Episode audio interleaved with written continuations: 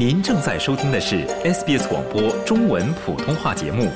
更多节目内容，请浏览 sbs 点 com 点 au 闲斜杠 mandarin，或下载应用程序 SBS Radio App。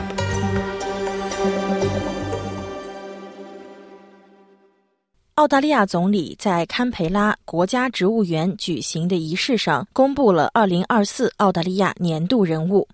阿尔巴尼斯表示，澳大利亚日对所有的澳大利亚人来说都是一个值得深思的重要日子。 Our National Day is our chance to do so much more than simply count our blessings.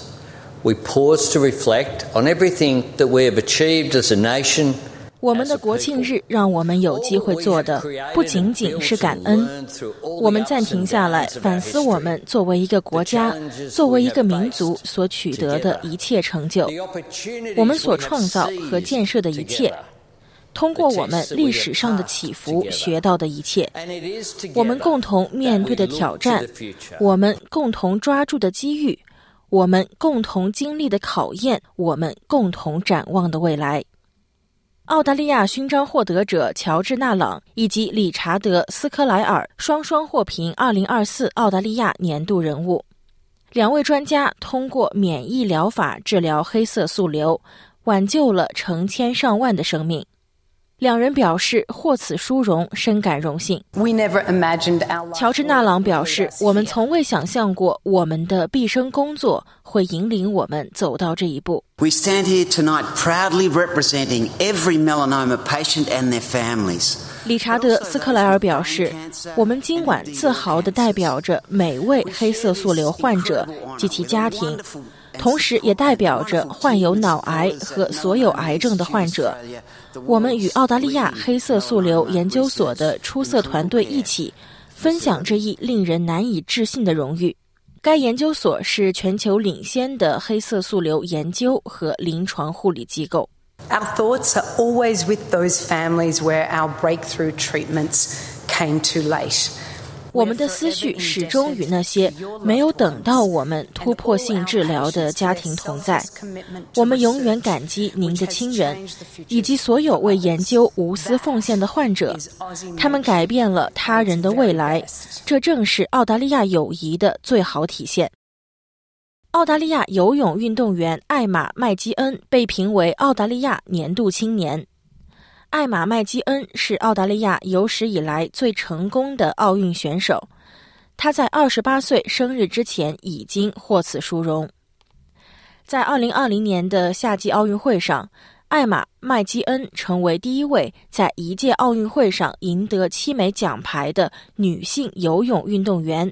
她也是在历史上第二位在一届奥运会上赢得七枚奖牌的女性。艾玛·麦基恩表示，获此殊荣深感荣幸。I'm so humbled and honoured to have received this award, especially when you look at the calibre and achievements of the other nominees for the Young Australian category. 能够获得这个奖项，我感到非常的谦卑和荣幸，尤其是当看到年度澳大利亚青年人物类别的其他提名者的水平和成就时，看到你们对我们伟大国家所产生的巨大积极影响时，能够与你们共同获得提名，我深感荣幸。你们所做的一切令人难以置信，你们激励着我继续努力工作。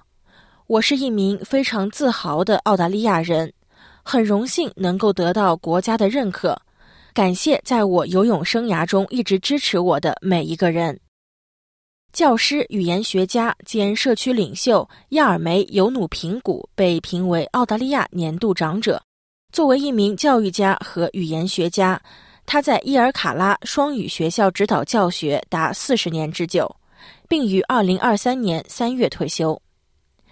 亚尔梅·尤努平古表示，他的工作始终以惠及社区为首要任务。Education in Yirkala Biling School has always been my passion and my most treasured accomplishment in life, beside my family and community. 除了家庭和社区之外，学校教育一直是我的热情所在。也是我一生中最珍贵的成就。作为一名年轻女性，当时的我很好奇教育将把我带向何方。我受到了来自老师和领导的激励，但是在那些年里，我从未想过自己会成为一名教育家和语言学家。我在一所学校教授儿童超过四十年，通过这一切，我成了两种文化的教育专家，并以此造福我的人民和社区。大卫·艾利奥特被评为澳大利亚年度本土英雄。一九九九年，大卫·艾利奥特在一次例行的牧羊活动之中，发现了一块恐龙化石。古生物学家蜂拥而至昆士兰州内陆，使得这里成为现在著名的恐龙热点地区。二零零二年，大卫·艾利奥特在这块土地上创建了澳大利亚恐龙时代自然历史博物馆，这是一家非营利慈善机构。大卫·艾利奥特表示，将继续为自己的理想而奋斗。Building the museum has been my abiding passion for over 20 years, but it hasn't always been an easy path to follow. There's been some bumpy sections, sometimes there's been no path at all. 建立博物馆是我二十多年来一直追求的激情，但是这条道路并非一帆风顺，有一些坎坷的路段，有时根本就无路可走。但是我学到了一件事：当你感到不知所措时，你必须相信自己，你可以有所作为，只是需要时间。一座伟大的博物馆就像是一场没有终点的旅行，是一个不断演变的事物，由传统、正直和无数代人的奉献所塑造。我所热爱的澳大利亚恐龙时代自然历史博物馆，我们可以建造它。我们将建造它，这只是旅程的一部分。想在 SBS 当一回影评人吗？SBS On Demand 正在推送配有中文字幕的热门影视作品，您只需观看一部或以上影视作品，并把影评观后感发给我们，就有机会赢得一份 SBS 精美礼品。